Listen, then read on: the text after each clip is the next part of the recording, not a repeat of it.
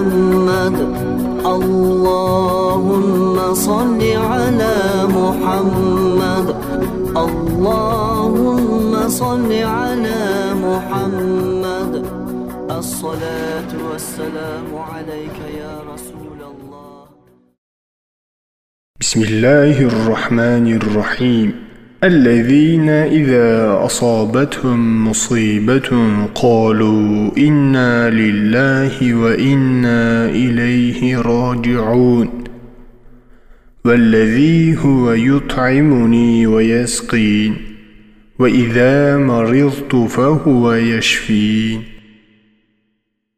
бірінші дауа ей бойын науқас меңдеген шарасыз жан уайымдама сабыр ет сырқатың саған дерт емес қайта шипа болар.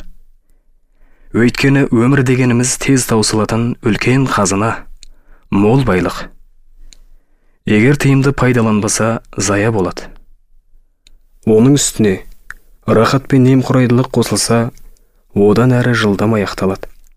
Ал науқастық өмірді табысты әрі жемісті қылады.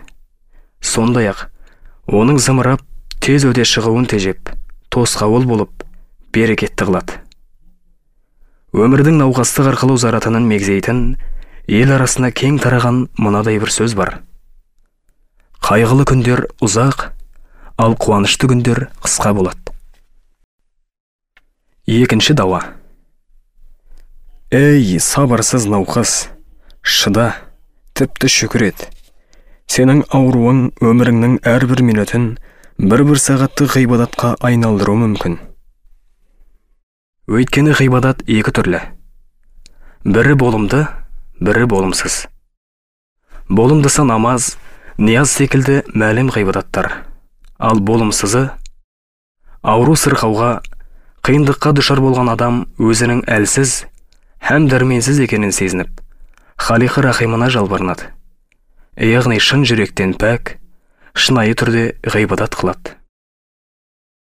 Аллахтан шағымданбаған моминнің ауру сырқаумен өткен өмірі құлшылық болып саналатындығы нақты хадистермен бекітілген. Тіпті кейбір сабырлы һәм шүкір етуші шакир науқастардың бір минуттік ауруы бір сағат ғибадат болып есептелетіні мұның алдында айтылғандай пайғамбарымыз саллаллаху алейхи уассалам тарапынан бекітілген. Олай болса сенің қысқа өміріңді ұзақ өмірге айналдырып жатқан аурудан шағымданба қайта оған риза бол. Үшінші дауа. Ей шыдамсыз науқасжан адам баласы бұл дүниеге рахатқа батып ләззат алу үшін келмеген. Дүниеге келгендердің ұзақ аялдамай кетіп қалуы жастардың қартаюы және әр нәрсенің әрдайым соңы болатыны. Ақырында қош айтысатыны осының айғағы. Адамзат тіршілік атаулының ең кереметі ең жоғары мәртебелісі. Жаратылысы күрделі құрал жабдықтарға бай тіршілік иелерінің сұлтаны бола тұра.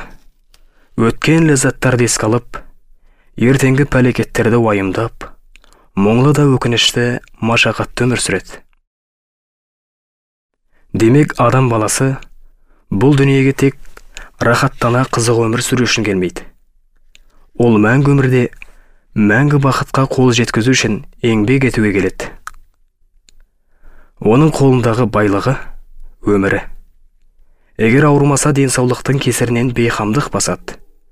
Дүние оған қызық әрі сұлу болып көрінеді.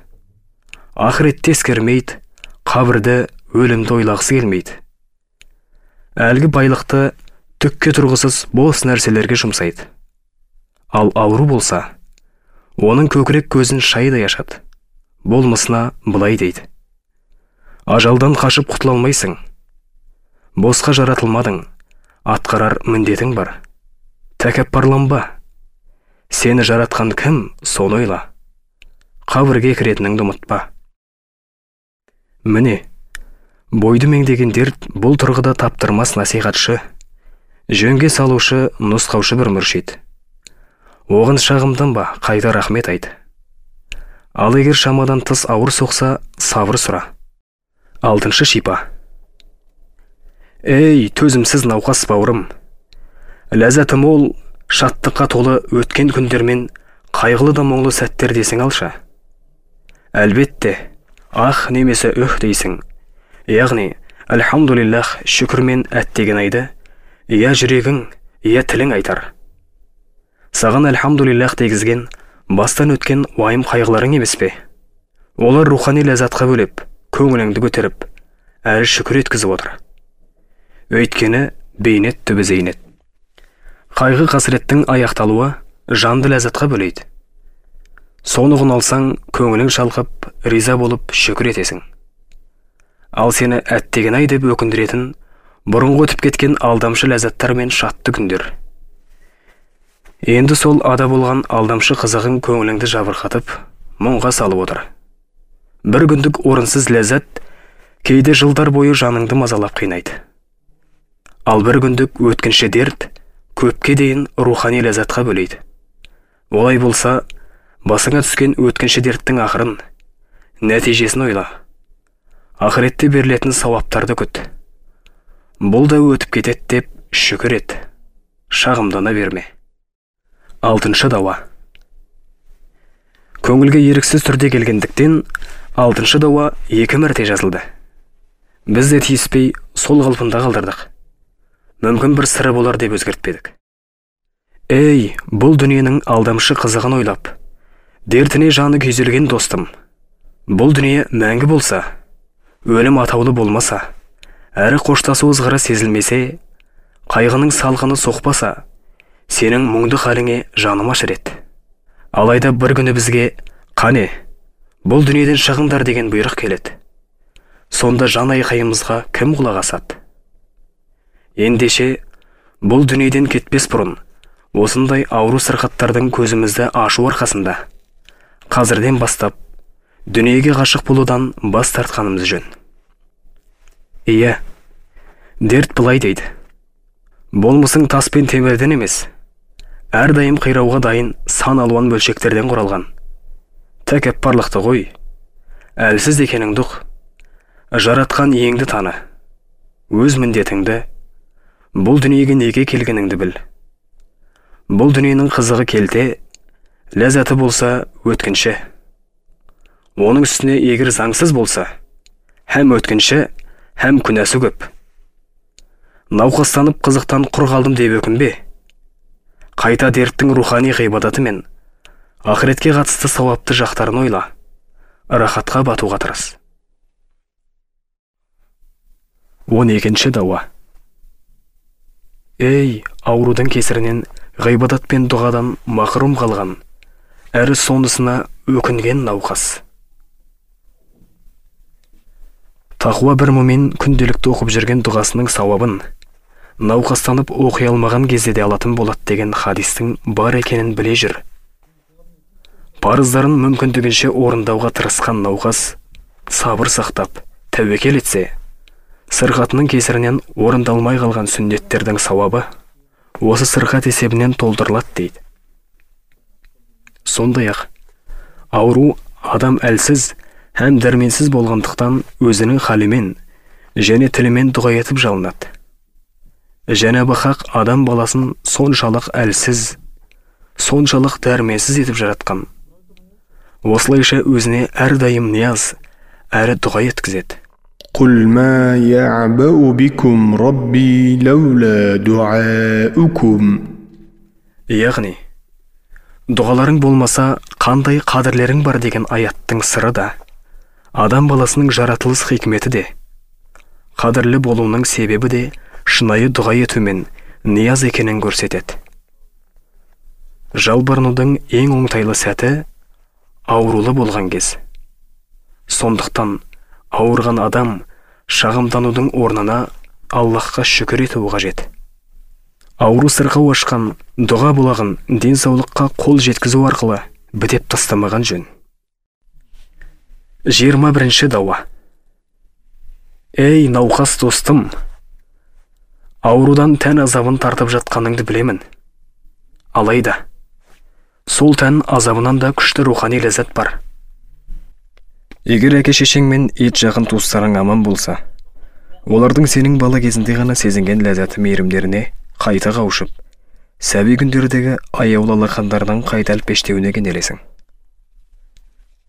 Осы аурудың себебімен шын достықтың байқалмай жүрген мейірбандылығына қошеметіне бөлендің. Мұны ойласаң әрине мына тән ауруң мен азабың оның қасында түк те емес. Сондай ақ сен қызмет етіп ілтипатына бөленгің келген жандар енді өздері келіп саған мейірімін төгіп құрақ ұшып жатқандықтан мырзалардың мырзасы болдың. Оның үстіне жаныңдағылардың мейірімділік қамқорлық сезімдерін оятып жоқ жерден көптеген қызметшілер мен мейірбан жандар достар таптың. Һәм сырқатыңның арқасында бейнеттен босатылып міне дем алып жатырсың әлбетте сенің тән ауруың осындай рухани ләззаттардың қасында түк емес. Сондықтан өкінбе қайта шүкір ет. Жиырма үшінші дауа. Ей кәріп болып оқшау қалған шарасыз науқас. Науқасың мен жалғыздығың. Төңірегіндегілердің тас жүректерін жібітіп саған деген аяныш сезімдерін оятты ғой.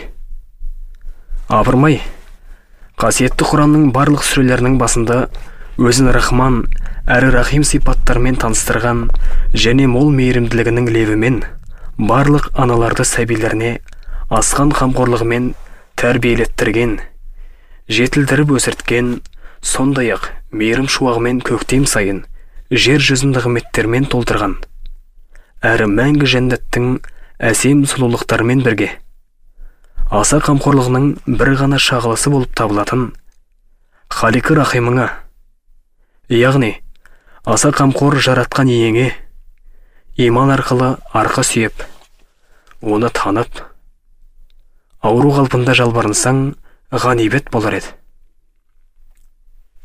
Яғни сенің жалғыздығың кәріптігің оның мейірімі мол назарын аудартады. Демек ол бар және көріп отыр. Олай болса бәрі де болады. Ендеше жалғызсырайтын сен емес керісінше аллахқа иман етпей қасарысып немесе оған арқа сүйеу дегенге мән бермей жүргендер.